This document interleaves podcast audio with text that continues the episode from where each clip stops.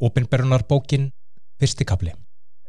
Þetta er opinberun Jésu Krist sem Guð gaf honum til að sína skuldaþrælum sínum hvað mun gerast fljótlega. Hann sendi engil með þessu opinberun til Jóhannessar, skuldaþræl síns sem vittnar hér um allt sem hann sá. Það er orð Guðs og boðskap Jésu Krist.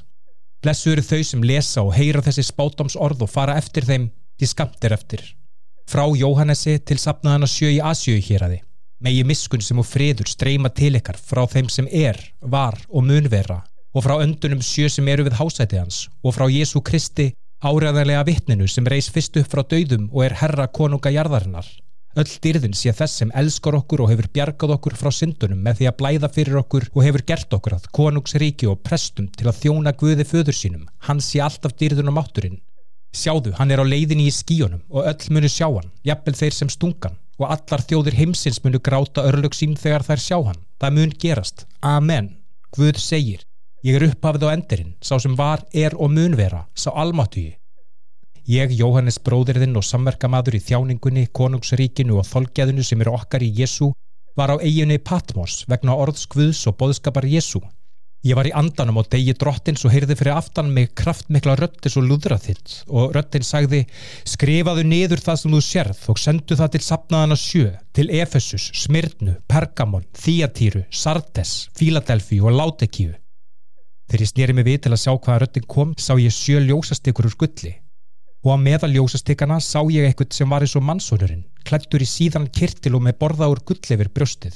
Hár hans var fagur kvítt eins og ull eins kvítt og snjór og augans voru svo logandi eldur fætur hans voru svo glóandi brons og röttin hans var svo neður margra fossa Hann hjælt á sjö stjörnum í hægri hönd sinni og beitt tvíegjað sverð gekk út úr munni hans. Andlit hans var og skínandi sól í fullu veldi. Þegar ég sá hann fjalli við fætur hans eins og ég var í dáin. Hann lagði þá hægri hönd sína á mig og sagði ekki vera hrettur, ég er svo fyrstu og svo síðasti, svo levandi, ég dó og sjáðu núna ég lefið af eilifu. Ég er með liklana af dauðanum og gröfunum, það er Hades. Skrifaðu niður það sem þú hefur séð um það sem er að gerast og það sem mun gerast. Lindardómurinn um ljósastekurnar sjö sem þú sást í hægri hönd minn er þessi. Stjörnurnar sjö eru englarsapnaðana sjö og ljósastekurnar sjö eru söpnuðunir sjö. Annarkabli. Skrifaðu til engilsapnaðaris í Efesus þetta eru orð frá þeim sem heldur á stjörnunum sjö í hægri hönd sinni og gengur um að miða ljósastekarna sjö. Ég þekki verkinn þín. Hversu hart þú leggur að þér og ég þekki þolgeðu þitt. Ég veit að þú þólir ekki vond fólk og að þú hefur prófað þá sem segjast vera postular en eru það ekki og hefur komist að því að þeir eru ekki það sem þeir segjast vera. Þú hefur þjáðust vegna mín og samt haldið áfram án þess að missa þólimaðina. En ég hef þetta á mótið þér. Þú hefur glatað kærleikanum sem þú hafðir í upphafi. Hugleitu hversu hátt þú hefur fallið. Yðrastu og gerðu það sama og þú gerður í upphafi. Ef þú yðrast ekki mun ég koma og taka í burtu ljósastekuna þína. En þó mátt þú eiga að þú hatast við verk Nikolítana sem ég hatast líka við. Hver sem hefur eiru, heyri hvað andin segir við söpnuðina. Þau sem vinna sigurinn munu vinna sér en rétt til að borða af tré lífsins sem er í paradís Guðus. Skrifaðu til engils sapnaðaris í smyrnu, þetta eru orð þess sem var svo fyrsti og er svo síðasti, orð þess sem dó og reysu frá döðum. Ég þekki þjáningu ykkur á fátækt, en samt eru þeir rík. Ég þekki líka vond orð þeirra sem segjast vera geðingar en eru það ekki heldur samkoma satans ekki vera hrætt við komandi þjáningar. Ég segi ykkur, djöfullin mun setja nokkur ykkar í fangelsi til að reyna ykkur og þeir munu kvæljast í tíu daga en veri trúföst allt fram í dauðan og ég mun gefa ykkur kórónu lífsins. Hver sem hefur eiru heyri hvað andin segir við söpnuðina. Þau sem standu uppi sem seguvegarar munu ekki þurfa að þóla hinn annan dauða. Skrifaðu til engils, sapnaðaris í Pergamon. Þetta eru orð þess sem er með beita tvíegjasverðið. Ég veit hvar þú býrð, þar sem hásætti Satans er en samt heldur þau við trúna á mig jafnvel þegar Antipas trúfasta vittni mitt var drepin í borgin ykkar þar sem Satan býr samt sem áður hef ég nokkuð á mótið þér. Það eru nokkur að meðalekkar sem halda sig við kenningar Bílam sem kendi Balaka að lokka Ísraelan í synd svo þeir áttu það sem var helgað skurkuðum og drýðu hór. Ennfremur eru nokkur á meðalekkar sem halda sig við kenningar Nikolítana. Yðrist því, annars muni koma og berjast við þau með sverði munnsmins hver sem hefur eiru heyri hvað andin segir við söpnuðuna Þau sem vinna að sigurinn munu fá frá mér af hennu hulda manna og kvítan stein sem skrifaðir á nýtt nafn sem enginn þekkir nema þau sem taka á móti steininum. Skrifaðu til engil sapnaðins í þýjatýru, þetta eru orð svonar guðus, þess sem hefur augu sem eru svo logandi eldur og fætur sem eru svo gljáfægt brons. Ég þekki verkin ykkar, kærleika ykkar og trú, þjónustu ykkar og þolkjaði og að þið gerir meira núna en þið gerðu því upphafi. Þó hef ég þetta á mót ykkur. Þið umberið þessa Jezebel sem kallar sig spáman. Með kenningum sínum narrar hún fylgjendum mína til að drýja hór og borða það sem hefur verið fórnað til skurðgóða. Ég hef gefið henni tíma til að yðrast alls þess illa sem hún gerir en hún neytar að gera það. Sjáðu, ég mun henda henni á sjúkrabið og þau sem drýja hór með henni muni þjást stórkostlega nema þau yðrist og hætti að velta það. Ég mun drepa börnin hennar og þá munu allir söpnuðunir vita að það er ég sem rannsaka hug og hjörtu og ég mun gefa öllum það sem þau eiga skilið. En ég er líka með skilabóð fyrir ykkur hen í þýjatýru, þeirra sem hafa ekki eld kenningar hennar og hafa ekki lært inn svokölluðu djúbu leindarmál satans. Ég legg engar frekari byrðar á okkur, nema haldi það sem þið hafi nú þegar þar til ég kem.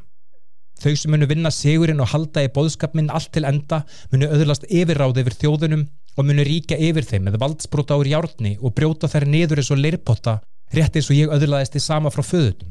Ég mun líka gefa þeim sem vinna sigurinn morgunstjórnuna. Hver sem hefur eiru heyri hvað andin segir við söpnuðuna. Þriðikabli. Skrifaðu til engil sapnaðaris í Sartes, þetta eru orð þess sem hefur sjö anda guðs og heldur á stjórnunum sjö. Ég þekki verkin ykkar. Orðsporið sem fer af þér er að þú sért lifandi en þú ert dauður. Vaknaðu, styrtu það sem enn tórir hjá þér en er að deyja því starf ykkar er óklárað og ekki guðið þóknanlegt. Munið eftir því sem þið fenguð og heyrðuð, varviti þá, yðrist. En ef þið vaknið ekki, munið koma til ykkar eins og þjófur og þú munt ekki vita hvernig ég kem. En í Sartes hafið þið nokkur sem hafa ekki óhrengað fötun sín. Þau munu ganga með mér, íklætt, fagur kvítu eins og þau verðskulda öll þau sem vinna sigurinn munu vera klætt í fagur kvítt. Ég mun aldrei þurrk út nöpp þeirra úr bók lífsins heldur mun ég segjast þekkja þau frammi fyrir föðum mínum og englum hans. Hver sem hefur eiru heyri hvað andin segir við söpnuðina. Skrifaðu til engilsins í Fíladelfju Þetta eru orð þess sem er heilagur og trúr, sá sem heldur á likli Davids, það sem hann getur opnað getur enginn lokað og það sem hann lokar getur enginn opnað. Ég þekki verkin ekkar. Sjáðu, ég hef sett fyrir fram að þig opnar dyr sem enginn getur lokað. Ég veit þú hefur lítinn mátt en samt hefur þú hlýtt orðu mínum og aldrei afneita nafnu mínu. Ég mun láta þau sem eru af samkomi satans, þau sem segjast vera gýðingar en eru það ekki, falla fram fyrir fætu þínar og skilja að ég elska ykkur. Þar sem þið hafið hlýtt orðu mínum um að vera þólimóð mun ég líka verndi ykkur frá þrengingunni sem mun reyna alla jarðarbúa. Ég mun koma fljótlega. Haltu í það sem þú hefur svo enginn geti tekið af ykkur kóránuna. Ég mun gera þau sem vinna sigurinn að súlum í musteri Guðsmins og aldrei munu þau yfirgefa það. Ég mun skrifa á þau nafn Guðsmins og nafn borgar Guðsmins hinnar nýju Jérúsalem. Ég mun líka skrifa á þau nýja nafnum mitt. Hver sem hefur eiru, heyri það sem andin segir við söpnuðina. Skrifaðu til engil sapnaðaris í látekíu. Þetta eru orð frá þeim sem er amen, trúfast og sannavittunu, þeim sem er upphaf sköpunar Guðs. Ég þekki verkin ykkar og veit að þið eru kvorki heitni köld. Betra væri ef þið væri annarkvort heitið að köld. En þar sem þið eru hálfvolk kvorki heitni köld mun ég skirpa ykkur út úr munninum. Þið segið við erum rík, okkur skortir ekkert. En þið skiljið ekki að þið eru ömurleg og fátæk og blind og nakin ég ráðleik ykkur að kaupa af mér gull hreinsað í eldi svo þið getið orðið rík og fagur hvít klæði svo þið getið falið ykkar skammarlegu nekt og smist til að bera auðu ykkar svo þið getið séð Ég leiðrétti og aga þá sem ég elska, verið því vakandi og yðrist. Hér er ég, ég stend við dyrnar og banka. Ég mun heimsækja og borða með þeim sem heyra orð mín og opna fyrir mér. Ég mun leifa þeim sem vinna sigurinn að sitja með mér í hásætti mínu, eins og ég vann sigurinn og settist í hásættið með föður mínum. Hver sem hefur eiru, heyri hvað andin segir við söpnuðuna. Förðikabli Þegar þessu var lokið sá ég fyrir framann mig opnar dyr á himnum og röttin sem talaði fyrst við mig, svo sem hljóman eins og lúðraþittur, sagði Komdu hingað og ég mun sína þér hvað mun gerast. Um leið var ég í andanum og sá hásætt og himnum sem einhver sati og sá sem satar glitraði eins og eðalstitt, eins og jaspis eða sartis og regnbói sem skein eins og smaragður umkrýndi hásætti hans. Í kringum hásættið voru 24 önnur hásætti og í þeim sátu 24 öldungar. Þeir voru klættir í fagur kvít og hafðu kóranur úr gulli á höfðinu. Frá hásættinu komið þrjumur og eldingar og fyrir framann hásættið skinu sjö logandi ljós. Þetta eru sjö andar guðs. Fyrir framann hásættið var líka eitthvað sem leit út eins og kristalshaf, jafn skýrt og kristall. Í miðjunni og í kringum hásættu voru fjórar verur sem voru allsettar augum af framann og aftan. Fyrsta veran var eins og ljón, önnur veran eins og nöyt, þriðja veran hafði andlit mannesku og fjórða veran var eins og fljúandi örn. Allar verurnar fjórar hafðu sex vangi og verið alsettar augum, meiri segja undir vangjunum. Dag eftir dag og nótt eftir nótt segja þær stanslöst Heilagur, heilagur, heilagur er drottin Guð almáttugur, sá sem var er og mun vera. Alltaf þeirra verurnar veita þeim sem situr í hásættinu og lifir eiliflega dyrðina, heiðurinn og þakkirnar, falla öldungarnir 24 framfyrir sig, leggja kóranur sínar fyrir framann hásættið og tilbyðja þann sem situr í hásættinu og segja Þú ert þess verður drottin okkar og Guð að þykja dyrðina, heiðurinn og máttinn því þú skapaðir allt og að vilja þínum var allt skapað og er til. Fymtikabli Þá sá ég hönd þess sem satt í hásættinu bók sem skrifað var í innan á og utan og var innsikluð með sjö innsiklum. Og ég sá máttu hann engil segjandi með hárri röttu hver er þess verður að rjúfa innsiklinu og opna bókina. En engin, korki á jörðunni í himni, gat opna bókina eða litið inn í hana. Ég grét og grét vegna þess að engin fann sem var verður til að opna bókina eða líta inn í hana. Þá sagði einn af öldungunum við mig Ekki gráta, sjáðu ljónið af ættkvísl Júta, erfingi hásættis Davids, vann sigurinn. Það getur opnað bókinu og rofið innsiklinn sjö. Þá sá ég lamp sem var eins og því hafði verið slátrað, standandi fyrir miðju hásættinu, umkringt verunum fjórum og öldungunum. Lampið hafði sjö horn og sjö augu sem eru sjö andar guðus sem eru sendir út um alla jörðina. Lampið kom og tók við bókinu úr hendi þess sem satt í hásættinu og þegar það hafði tekið við bókinu fjallu verurnar fjórar og öldungarnir 24 frammi fyrir lampinu.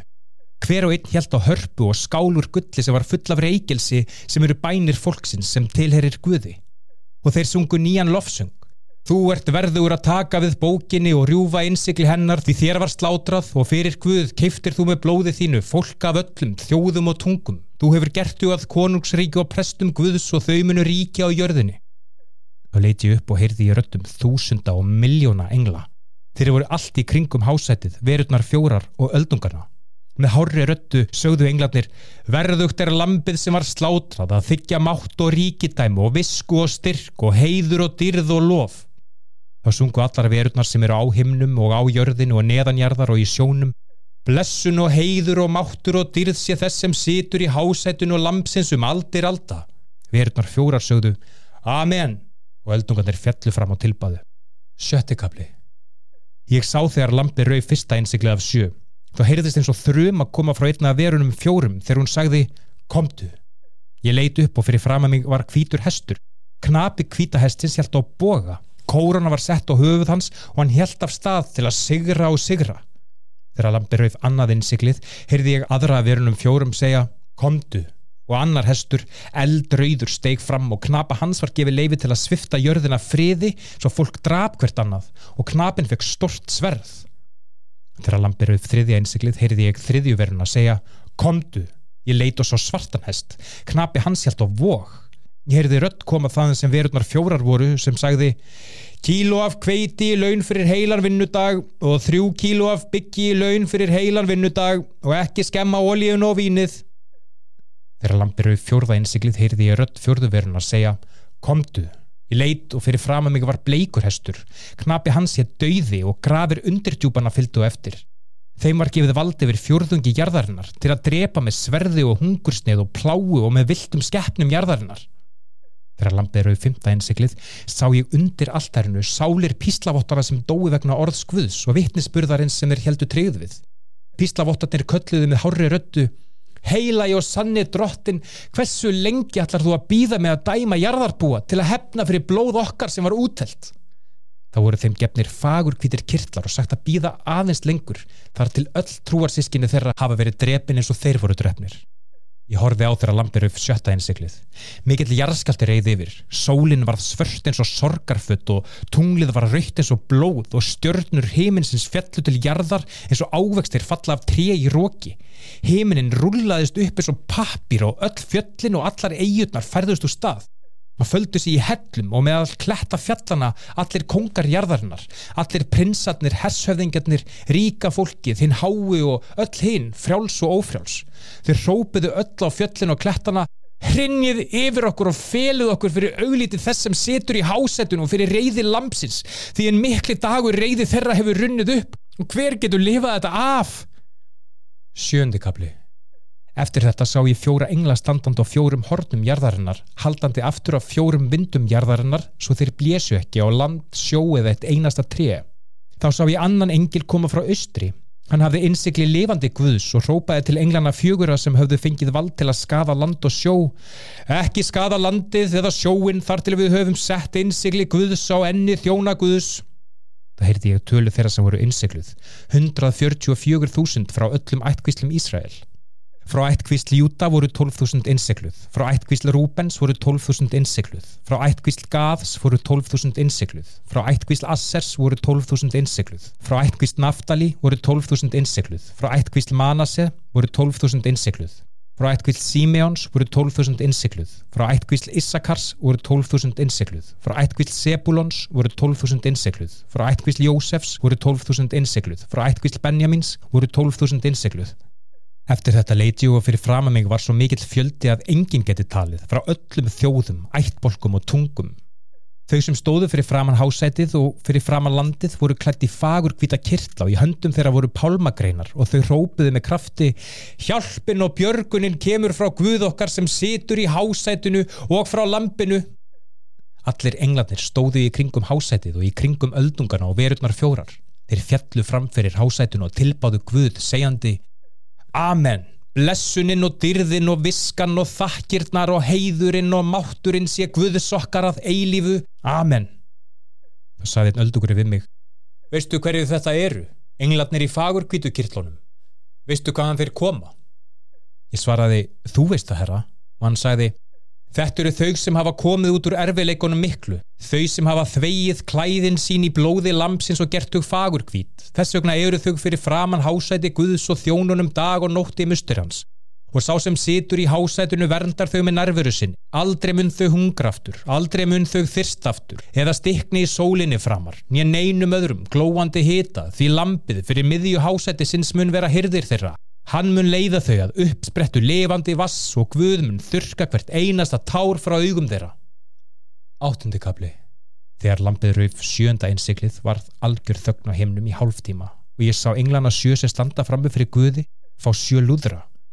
Þá kom annar engill og stóði við alltarið. Hann held á reykjelsiskeri. Hann fekk mikið magg reykjelsis og hann geti bætti við bænir fólks Guðs og setta sem fórn við alltarið úr gulli fyrir framann hásætið. Reykurinn af reykjelsinu á samt bænum fólks Guðus steg upp til Guðus úr hendi engilsins. Þá tók engilin reykjelsiskerið, fylti það af eldi af alltarinu og kastaði því til jarðar, svo þrjumur hljómuðu og eldingar lifturuðu og jörðin nötraði. Þá gerðu englanir sjösi tilbúna að blása í lúðrana. Fyrsti engilin blési lúður og hagljel og eldur blanda blóði var kastaði jörðina. Þriðjungur jarðarnar brann, þriðjungur trjána brann og allt grasið brann þá blés annar engillin í lúður og einhverju eins og hátt fjall í lósum logum var kastaði sjóin þriðjungur hafsins breytist í blóð og þriðjungur dýrin í sjónum drafst og þriðjungur skipana fórst. Þriðji engillin blés í lúður og björt stjarnar logandi svo bál fjall af himnum á þriðjung fljótana og uppsprettu vassins stjarnan heiti remmujurt það er beiskjurt. Þriðjungur vatnana varð beiskur og fjölmargir dói vegna vassins sem var orðið beist Fjórði engillin blés í lúður og þriðjungur sólarinnar var slegin og þriðjungur tunglsins og þriðjungur stjartana svo þriðjungur þeirra varð myrkur. Þriðjungur dagsins var ljóslaus sem og þriðjungur næturnar. Hún leiti upp og sá örd sem flögum hálóftin rópandi Vei, vei, vei sé íbúum jarðarinnar vegna lúðra þittsin sem hún heyrast frá þremur síðustu englunum. Níundi kapli Fymti engillin blés í lúður og ég sá stjörnu sem hafði rapað af himni til jarðarinnar. Stjörnunni var gefin líkill af botlausa undirtjúpinu.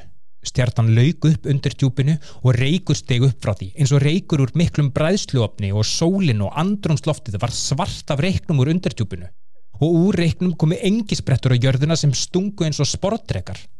Þeim var skipað að valda engum skafa á grasi í jarðarinnar og ekki á trjánum eða neinum plöntum, aðeins á fólkinu sem hafði ekki innsikli guðs og enninu. Engisbretturnar máttu ekki drepa fólkið, heldur pyntuðu þau í fimm mánuði. Sásökinn sem þær ullu var eins og eftir sporðtrekastungu. Á þessum dögum mun fólk leita að dauðanum en finna hann ekki. Þau munu vilja deyja en dauðin mun flýja frá þeim. Engisbretturnar lit út eins og hestar tilbúinir í orustu. Þær höfðu eitthvað sem leit út eins og kóranur úr gulli og andlit þeirra voru eins og mannsandlit. Hár þeirra var eins og hár konu og tennur þeirra voru eins og ljónstennur. Þær voru í brinju úr hjárni og hljóðið í vangjum þeirra var eins og í her og leiði í orustu. Þær hefðu hala sem stakkur svo sportriki og í fimm mánuði höfðu þær vald til að kvelja fólk. Konungur yfir engisbrettunum var engil undirdjúpsins. Nafn hans á hebresku er Abaddon og á grísku Apollyon. Það er Eidandin. Fyrsta hörmungin er liðin en sjáðu, tvær aðrar hörmungar eru á leiðinni. Sjötti engilin blés í lúður og ég heyrði rött koma frá fjórum hornum alltarisins úr gulli sem er fyrir framann hásæti Guðs. Röttin sagði við sjötta engilin sem hafði lúðurinn Sleftu lausum englunum fjórum sem eru bundnir við stórfljótiði efrott. Og englandir fjórir sem hafðu verið tilbúnir fyrir þessa stund og dag og mánuð og ár voru listir til að drepa þriðjung mannkins. Ég heyrði hversu stór her þeirra var, 200 miljónir. Hestarnir og knaparnir sem ég sá í síninni litu svon út. Brynja þeirra var eldrauð, dökk, blá og gules og brennistinn. Höfuð hestana voru svo ljónshöfuð og út um munin á þeim kom eldur, reykur og brennistinn. Þriðjungur mannkins var drepin í þessum þremur pláum, elds, reyks og brennistinn sem komu úr munni þeirra. Kraftur hestana er í munni þeirra og frá tagli þeirra. Því töklin á þeim voru eins og snákar sem höfðu höfuð sem þeir öllu skafa með. Það fólk sem var ekki drepið í þessum pláum yðraðist ekki gjörða sinna. Þau hættu ekki að dyrka djöbla og skurðgóður, gulli, silfri, bronsi, steinum og tré. Skurðgóð sem geta ekki séð, hyrti eða gengið. Þau yðriðist heldur ekki morða sinna, galdrana eða horsins sem þau hefðu drygt og heldur ekki þjófnaðarins. Tíundikabli Þá sá ég annan mikinn engil stíga niður af himnum. Hann var klættur í skím með regnbóa fyrir ofan höfuðið. Andlit hans var eins og sólinn og fótleikir hans voru eins og glóandi súlur. Hann held á lítilli bók sem lág opinn í höndans. Hann stóð með hægri fótinn í sjónum og vinstri fótinn á landinu. Hann öskraði eins og ljón og þegar hann öskraði þá töluðu þrjumundar sjö. Og þegar þrjumundar sjö töluðu ætlaði ég að fara að skrifa það niður sem þær sögðu en ég heyrði rött koma af himnum sem sagði Innsiklaði það sem þrjumundar sjö sögðu og ekki skrifa það niður. Það lifti engillin sem stóð í sjónum og á landinu upp höndinni til heimins og hann sór eið til þess sem lifir að eilifu, þess sem skapaði himnana og allt sem í þeim er og jörðina og allt sem á henni er og sjóin og allt sem í honum er og sagði Það verði ekki frekar í tafir. Þegar sjöndi engillin blæsi í lúðurinn mun undursamleg áallin Guðsverða fullkomnuð, rétt eins og hann tilkynnti þjónum sínum spámununum. Það heyrði ég aftur í röttinni sem kom af himnum. Hún sagði Farðu og taktu bókina sem liggur opin í hönd engilsin sem stendur í sjónum og á landinu. Ég fór til engilsis og baða hann um litlu bókina. Hann saði við mig, takt hana og jætt hana. Hún mun verða beski í maganum en í munninum sæt eins og hunang. Ég tók litlu bókina úr hönd engilsis og át hana. Hún var sæt eins og hunang en í maganum var hún besk. Þá var sagt við mig, þú þart að spá meira um fleira fólk, fleiri þjóðir, tungur og konga. Elleftikabli Þá var mér réttur reyr sem var eins og mælistika og sagt við mig Farðu og mældu musteri Guðs og alltarið og teldu hvað eru margir tilbeðjundur en sleftu istu veggjunum, ekki mæla þá því þar er það sem heiðingjunum er gefið. Þeir munu arka um í borginni Helgu í 42 mánuði og ég mun útnefna tvö vittni. Þau munu spá í 1260 daga klætt í sorgarfutt. Þetta eru Ólífi 3.2 og ljósastekunar tvær sem standa frammi fyrir herra jarðarnar og yfir fólki sem reynir að valda vittunum skafa regnir eldi úr munni þeirra sem gleipir anstæðinga þeirra. Þannig munu þau farast sem reyna að skafa vittin tvö. Vittin hafa vald til að loka himninum svo það regni ekki meðan þau spá og þau hafa vald til að breyta vatni í blóð og láta pláur gangi yfir jörðina eins oft og þeim sínist. Þegar vittin tvö hafa lokið vittnisspörðu sínum mun dýrði sem kemur upp úr undirtjúpunu yfirvinna þau og drepa og lík þeirra munu liggja á götunni í borginni miklu sem andlega heitir Sódóma og Egiptaland, þar sem herra þeirra var krossfestur. Í þrjá og halvan dag mun fólk koma úr öllum áttum til að sjá lík þeirra og þau mun ekki leifa grefturinn vittnana. Jarðabúar munu fagna yfir þeim og í fögnuðu sínum munu þeir senda gafir til hvers annars því þessir tveir spámenn kvöldu þá. En eftir þrjá og halvan dag blæs Guði lífi í þá og þeir standa á fætur. Þau sem sjá þetta munu fyllast skelvingu þá kemur glimjandi rött af himnum sem segir komið hingað og þeir munu fara upp í heiminin og skí og meðan óvinnir þeir að horfa á. Á því augnabliki reyði verið mikill jarðskjaldi sem lagði tíunda hluta borgarinnar í rúst. 7000 mann stóðu við jarðskjaldunum. Þau sem lifðu af voru skelvingu lostin og gáfu guði heimins í styrðina. Önnur hörmingin hefur reyðið yfir þriðja hörminginu næst. Sjöndi engillin blés í lúður og það heyrðust háværa ratti frá himni sem sögðu Konungsríki heimsins hefur orðið átt konungsríki drottins okkar og Krist hans og hann mun ríkja að eilifu. Og öldungatir 24 sem sátu í hásætunum í návís Guðs fjallu fram og tilbáðu Guð, segjandi Takk drottin Guð almáttugur sá sem var, er og mun vera því nú hefur þú tekið stjórninni og reist konungsríkið þitt. Heiðingarnir voru reyðir en nú er tími ofsareyði þinnarunin upp.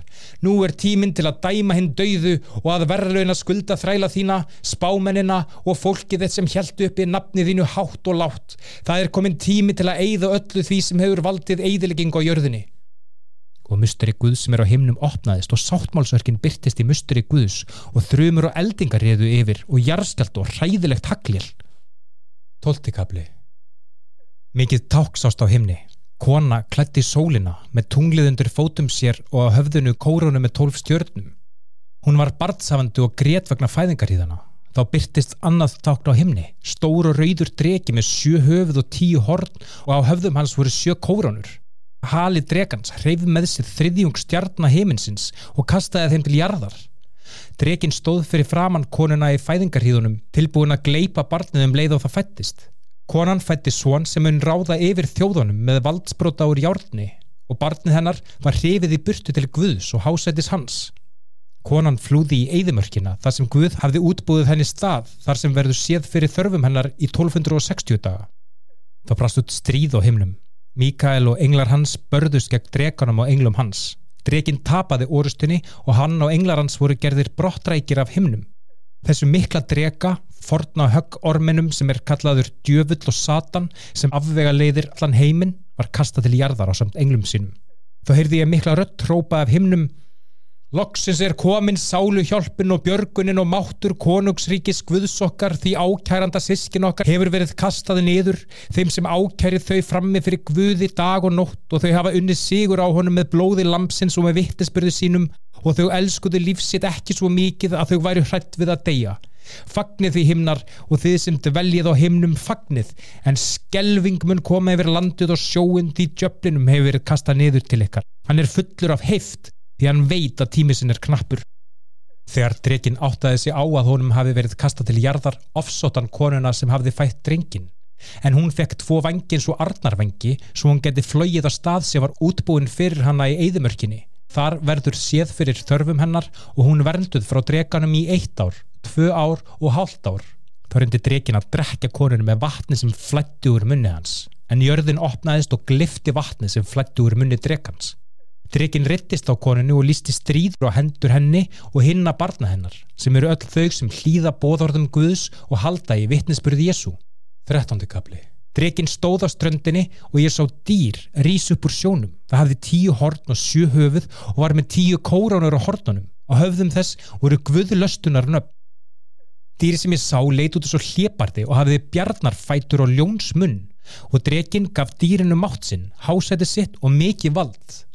Ég sá að eitt höfuð dýrsins virtist hafa slasast lífsættulega en það læknaðist af banasári sinu. Allur heimurinn eldi dýrið með undrun. Fólki tilbað drekan fyrir að hafa gefið dýrinu svona mikið vald og þau tilbaðu líka dýrið og spurðu hver er máttugur eins og dýrið, hver getur nokkuð tíma ráði við það? Dýri fekk mun til að fara með gífurirðu að lastmæla guði og vald til að starfa í 42 mánuði. Það opnaði munnin til að lastmæla guði og nafni hans og bústað hans og þeim sem búa á himnum. Því var gefið vald til að fara í stríð gegn heilaga fólki guðs og til þess að yfirvinna þau og vald yfir öllu fólki á jörðinni.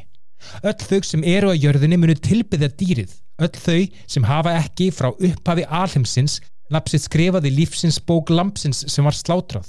Hver sem hefur eiru heyri Hver sem fangelsar skal vera fangelsaður, hver sem drefur með sverði skal falla fyrir sverði. Ég reynir á þolgeðu og trúfesti heilaga fólksins.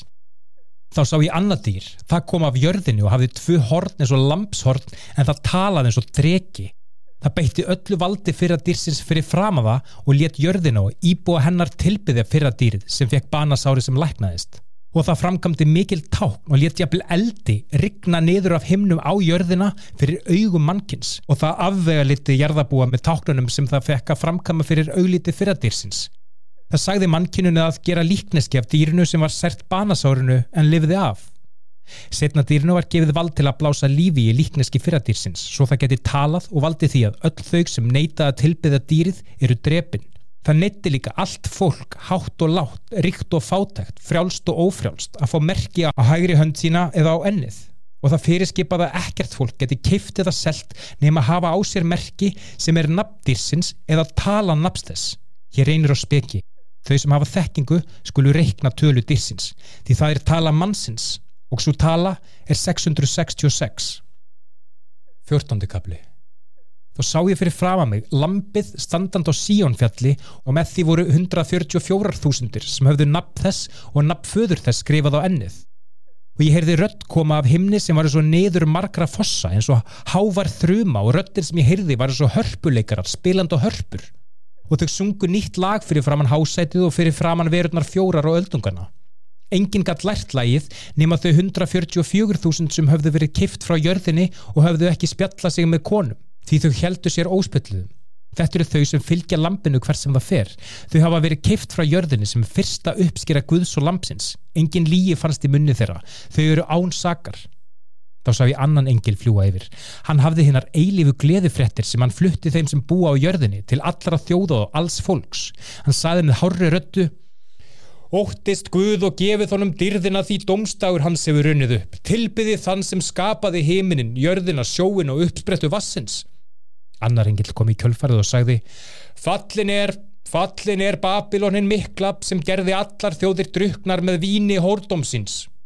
Eftir þeim góð þriði engilin sem rópaði Öll þau sem dyrka dýrið og líkneski þess eða fá merki þess á ennið eða höndina skulu drekka vín reyði guðus, óblandaður, byggar ofsa reyði hans og vera kvalin með eldi og brennistein í návist heilugu englana og í návist lampsins. Reykurinn rís upp af þjáningu þeirra og aldrei aftur munu þau kvílast þau sem tilbáðu dýrið og líkneski þess og þau sem fengu á sig merki nafs þess. Heilaga fólk Guðs þarf að gangi gegnum þetta með þólimæð og þolgeði, haldandi áfram að trúa á Jésu og ég heyrði rött hljóma af himnum sem sagði skrifaði þetta, blessu eru þau dánu sem deyja fyrir drottin hérðan í frá. Andin segir já, svo þau fái kvild frá erfiðisvinnu sinni því verk þeirra munu fylgja þeim. Ég sá fagur kvitt skí og setjandi á því var einhver sem leit út eins og mannsónurinn hann hafði kórun úr gulli og höfði nú að beitta sigði í höndinni. Þá kom annar engill út úr musturinu sem hrópaði til þess sem satt á skíinu Mundaðu sigðina því uppskeru tímin er komin uppskera jarðarinnar er full þroskuð og sá sem satt á skíinu bytti sigðinni á jörðina og uppskerinu var sapnað saman af jörðinni. Og annar engill kom út úr musterinu sem er á himnum. Hann hafði líka beitta sigð. Og annar engill sem hafði vald til að eigða með eldi kom út frá altarinu. Hann rópaði á engilin með beittu sigðina. Sveiplaðu sigðinni til að sapna saman vinnberjaklusum vinnviðar jarðarinnar því berin eru full þroskuð Engilinn sviplaði sigðun á jörðina og sapnaði saman vinnberjum jarðarinnar og kastaði þeim í vinnpressu reyði guðus. Vinnberjin voru tróðið niður fyrir utan borgina og blóðið sem flætti úr vinnpressunni myndaði fljót sem var tæpir 300 kílometrar og svo djúft að það náði upp af beistli hestala. 15. kapli Ég svo annað mikið og undravert tákn á himni. Sjö engla með sjö síðustu pláðunar. Þær eru síðastar því þegar þeim líkur er reyði guðs fullkomnuð. Ég sá fyrir fram að mig það sem ég syndist vera glerhaf, blandað eldi og á því stóðu öll þau sem höfðu unnið sigur á dýrinu og líkneski þess og tölunar sem táknar nafn þess. Þau heldu öll á hörpum sem Guð hafði gefið þeim og sungu sálminn sem Móse skuldaþrell Guðs og Lampsins samti. Mikil og undursamlegur verkin þín drottin, Guð almáttugur, réttláttir og sannir eru vegir þínir, þú konungur þjóðana. Drottin hver óttast þig ekki og gefur nafni þínu dyrðina því þú einn ert heilagur. Allar þjóðirnar munu koma og tilbyðja fyrir ásjónu þinni því réttlátt verk þín hafa verið ofinbyrð. Eftir þetta leiti og sá að himnum musterið tjaldbúða vittnisspurðarins og það opnaðist.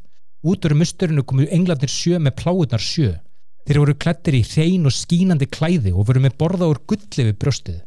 Á gaf einn af verunum fjórum eiglunum sjö, sjö skálar úr gulli sem voru fullar af reyði guðs sem lifir að eilifu og musterið fylltist af reyk sem steig af dyrð guðs og frá valdi hans. Engin gatt farið inn í musterið þar til pláur englana sjö höfðu reyðið yfir. 16. kapli Þá heyrði ég þrjumandi rött koma frá musterinu sem sagði við englana sjö Farið og hellið úr sjö skálum reyði Guðs yfir jörðina. Fyrsti engillin heldur skáli yfir jörðina og þau sem höfðu merki dyrsins og tilbáðu líkneski þess fengur hræðileg illkynja sár. Annar engillin heldur skáli yfir sjófin og hann var þess og blóð döðsmanns og allt levandi í sjónum drafst. Þriði engillin heldur skáli yfir fljótin og lindirnar og þær urðu að blóði. Þá heyrði ég engil Vassin segja Þú, Guð, ert réttlátur í dómið þínum, þú sem varst, ert og mynd vera, því þau hafa útelt blóðið þíns heilega fólks og spámanna þinna og þú hefur gefið þeim blóð að drekka eins og þau eiga skilið. Og ég heyrði rött frá alltarinu svara, Já, Guð, drottin almáttugur, sannir og réttlátur eru dómar þínir.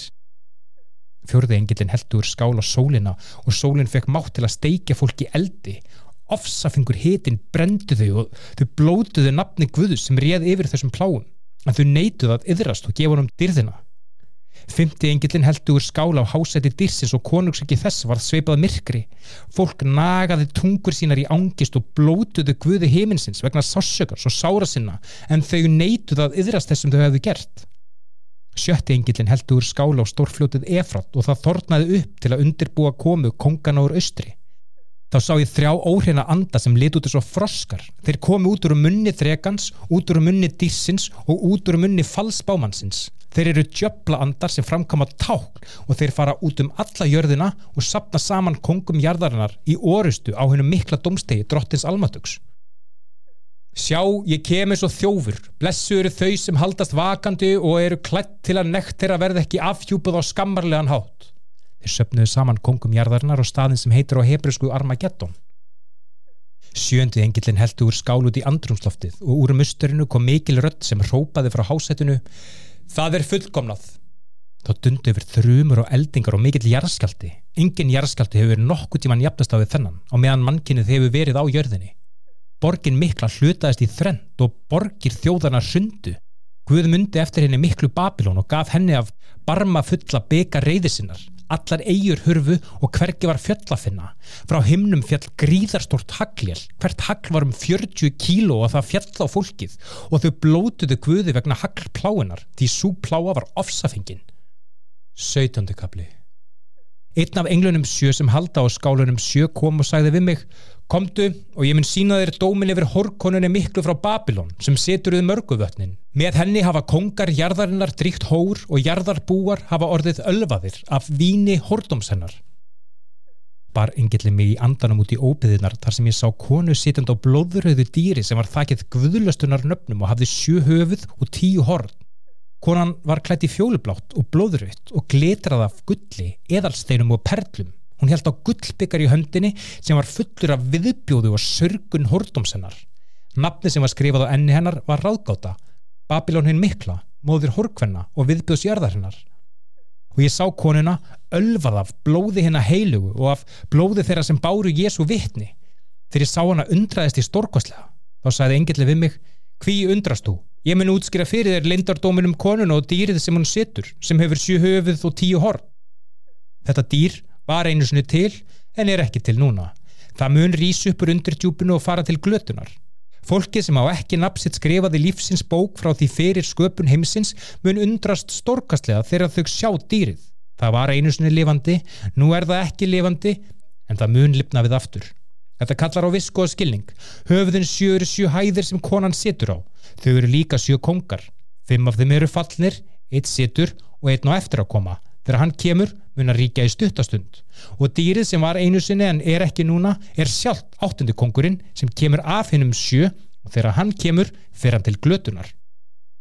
Tíu hortin sem þú sást eru tíu kongar sem hafa ekki enn tekið við stjórnartöymum en þeir munu fá að ríkja svo kongar í einastund með dýrinu.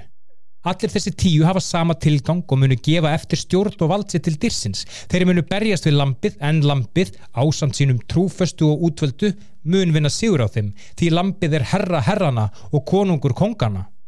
Engilin saði líka við mig. Vötnin sem þú sást hórkonuna setja á eru þjóðir, fólk, tungur og ættbolkar. Hortin tíu sem þú sást og dýrið munu hata hórkonuna, þau munu taka allt frá henn og skilja henn eftir allsnakta, þau munu borða holt hennar og eigðin í eldi því Guð hefur sett vilja í hjarta þeirra til að ganga erenda sinna með því að vinna saman og gefa dýrinu vald til að ríkja þar til orð Guðs verður að veruleika.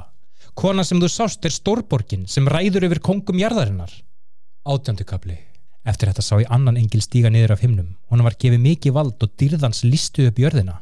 Með hárri röttu rópaðan Fallin er, fallin er Babilónin mikla. Hún er orðin að heimkinum djöbla og fangelsi óhreitna anda og óhreitna fuggla sem eru fullir af hatri. Því allar þjóðir heimsins eruðu ölvaðar af sterku víni hórdómsennar. Kongar jarðarinnar hóruðust meðinu og sölumenn jarðarinnar eruðu ríkir af óhóflegu munaðinnar heyrði ég aðra rött koma af himnum sem sagði Fólkið mitt, farið út úr henni svo þið þurfið ekki að taka þátt í syndumennar svo þið fáið ekki hluteld í plágumennar því það var ég hægt að stapla syndumennar upp til heimins og Guð man eftir glæbumennar borgaðinni fyrir það sem hún gerði og held henni tvöföldum skamt úr sínum eigin byggar gefðu henni eins mikla þjáning og sorgins og dyrðin og munaðurinn sem hún lefði sér Í hjartennar segir hún, ég sitt sem drottning, ég er ekki ekka, ég mun aldrei þurfa sirkja. Þess vegna munu pláðunar yfir vinnan á einum degi, dauði, sorg og hungur. Hún mun verða brendi í eldi því máttur er drottin Guð sem dæmir hana. Þegar kongarnir sem drigðu hór með henni og livði í vellistingum með henni sjá reikin stígu upp af eldinum sem gleipir hana, munu þeir gráta og sirkjana. Þjáning hennar mun skelfa þá. Þeir munu standa langt frá og gráta vei, vei, vei sé þér borginu mikla þú mikla Babylon á einni stundu hefur þið verið refsað. Sölumenn jarðarnar munu gráta og sirkjana því ekkert selst af vörum þeirra lengur, ekkert selst af gullinu, silfrinu, eðalsteinunum eða perlunum og heldur ekki af fínu litriku klæðunum og silkinu og ekkert af sítrónuviðnum og alls konar munum úr fílabeini, dýrum við, bronsi, járni og marmara og ekkert mun seljast af förmunum, af kanil og kryttum, reikelsi, mirru, af víni og ólífólju, af fínu kveiti, nautgrippum, söðfje, hestum og vögnum og ekkert selst af þrælum og mannslífum. Þeir munu segja, Allir glæsilugu hlutinir sem þú þráðir eru farnir frá þér. Yfirgengilugur munaðurinn er allur farin og kemur ekki aftur. Sölumennir sem seldinu þessa hluti og grættu á henni munu standa langt í burt og skelvast yfir þjáningu hennar. Þeir munu gráta og sirkja og æpa upp yfir sig vei, veisja til þú mikla borg sem varst klætt í fínu klæðin úr purpar og blóðröðu og glitrand af gulli, eðalsteinum og perlum og einni stundu hafa auðafinn verið lögð í rúst. Allir skipstjórar á kaupskipum og allir þeir sem ferðast með skipi, sjómennir og öll þau sem hafa lífsviðværi sitt af sjómennsku munu standa langt í burtu og þegar þau sjá reikin stíga upp af eðleggingu hennar munu þau ópa upp yfir sig var einhver tíman borg sem jafnast á þessa stórborg. Þau munu sirkjan í sand og ösku og sirkjandi gráta vei vei sér þér þú mikla borg þar sem allur skipaflótin var ríkur af auðafum þínum og einni stundu hefur þú verið lögð í rúst. Himnar gleðjist yfir örlugum hennar, fólk Guðus gleðjist yfir örlugum hennar, sendibóðar Krist og spámenn gleðjist yfir örlugum hennar því Guð hefur hemmt ykkar og dæmt hana. Þá tók máttuður engillu bjarg á stærðið stærsta millustein, kastaði honum í sjóin og sagði Einmitt svona mun borginni miklu Babylon vera kasta niður og aldrei finnast aftur. Tónlist hörpuleikarana, söngvarana og blástusleikarana mun aldrei heyrast í þér aftur. Engin handverksmaður mun starfa í þér aftur. Hljóðið í millusteinu mun aldrei heyrast í þér aftur. Ljós lampana mun aldrei skín í þér aftur. Rattir brúðhjóna mun aldrei heyrast í þér aftur. Viðskiptamenn þínir voru mikilvægasta fólk heims. Með töfrabröðum þínum lettir þú fólk af réttri leið. Í henni finnst blóð spámanan á heilags fólks guðs og alls fólksinn sem hefur verið stráfelt á jörðinni.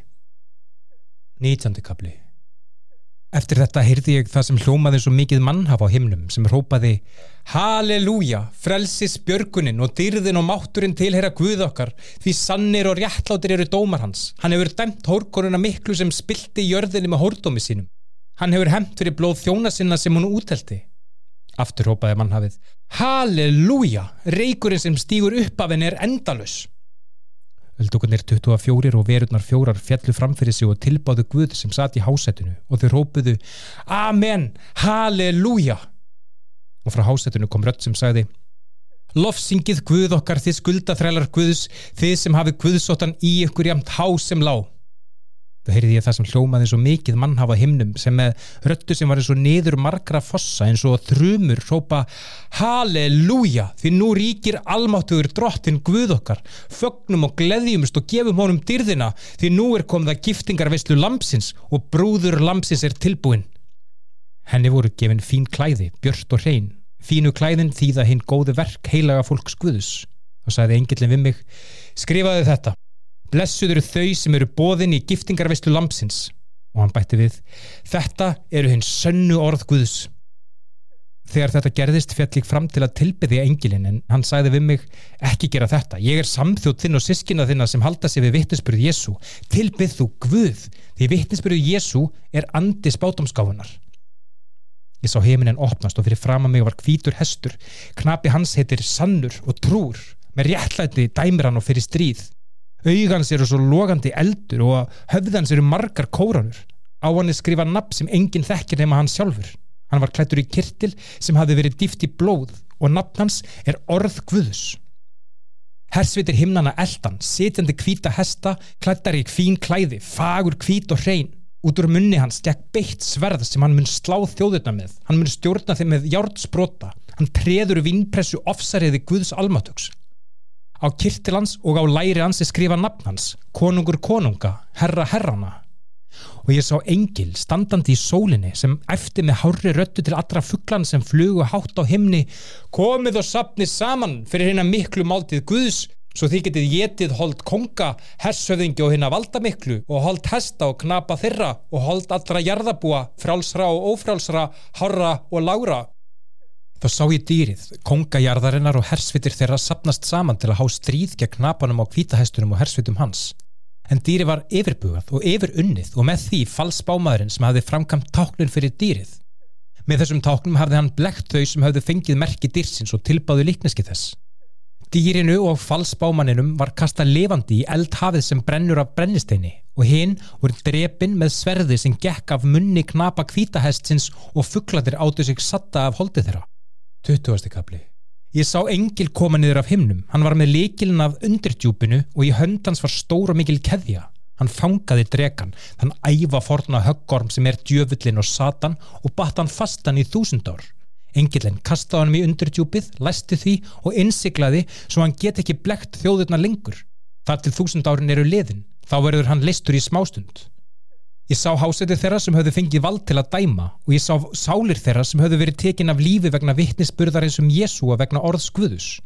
Þau höfðu ekki tilbyðið dýrið eða líkniski þess og höfðu ekki fengið merkið þess á enni eða hendur. Þau lipnuðu við og ríktu með Kristi í þúsund ár. Annað fólk sem hafði dáið reysi ekki upp frá döðum fyrir en þúsund árin voru liðin. Þetta er fyrri upprisan.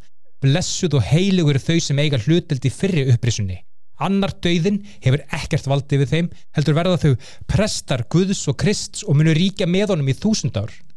Þegar þúsund árin eru liðin mun Satan vera listur úr fangilsinu og blekka þjóðirnar og fjórum hornum jarðarinnar Góg og Magóg til að taka þátt í orustu. Fjöldi þeirra var eins og sandur á sjáarströnd þau dreifðu úr sér og umkryndu elskuðu borgina en eldur kom af himnum og glifti þau og þá var djöflinum sem blekti þau kastað í eldhafið sem brennur af brennisteini þar sem dýrinu og falsbámanunum hafði verið kastað. Og þar munið þau kvæljast í dag og nótt þar til þau verða upp brunnin þá sá ég mikið og fagur hvitt hásæti og þann sem satt í því. Jörðin og heiminin flúðundan nervuru hans og það var hverki staður fyrir þau.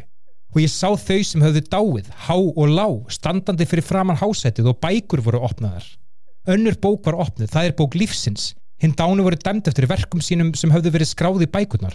Úr sjónum komið þau dánu sem í honum voru, grafirnar skiluði þeim dánu sem í þeim voru og öll voru dæmt eftir því sem þau höfðu gert. Það var dauðanum kastað í eldhafið. Eldhafið er hinn annar dauði. Öllum þeim sem höfðu ekki napsitt skrifað í bók lífsins var kastað í eldhafið. 21. kapli Þá sá ég nýjan heimin og nýja jörð því fyrri heimin og jörð voru liðunundir lók og það var engin sjór lengur. Ég sá heilugu borgina, hérna nýju Jérúsalm koma niður af himnum frá Guði. Hún var tilbúin eins og brúður sem er glæsilega klætt fyrir verðandi eiginmann sinn.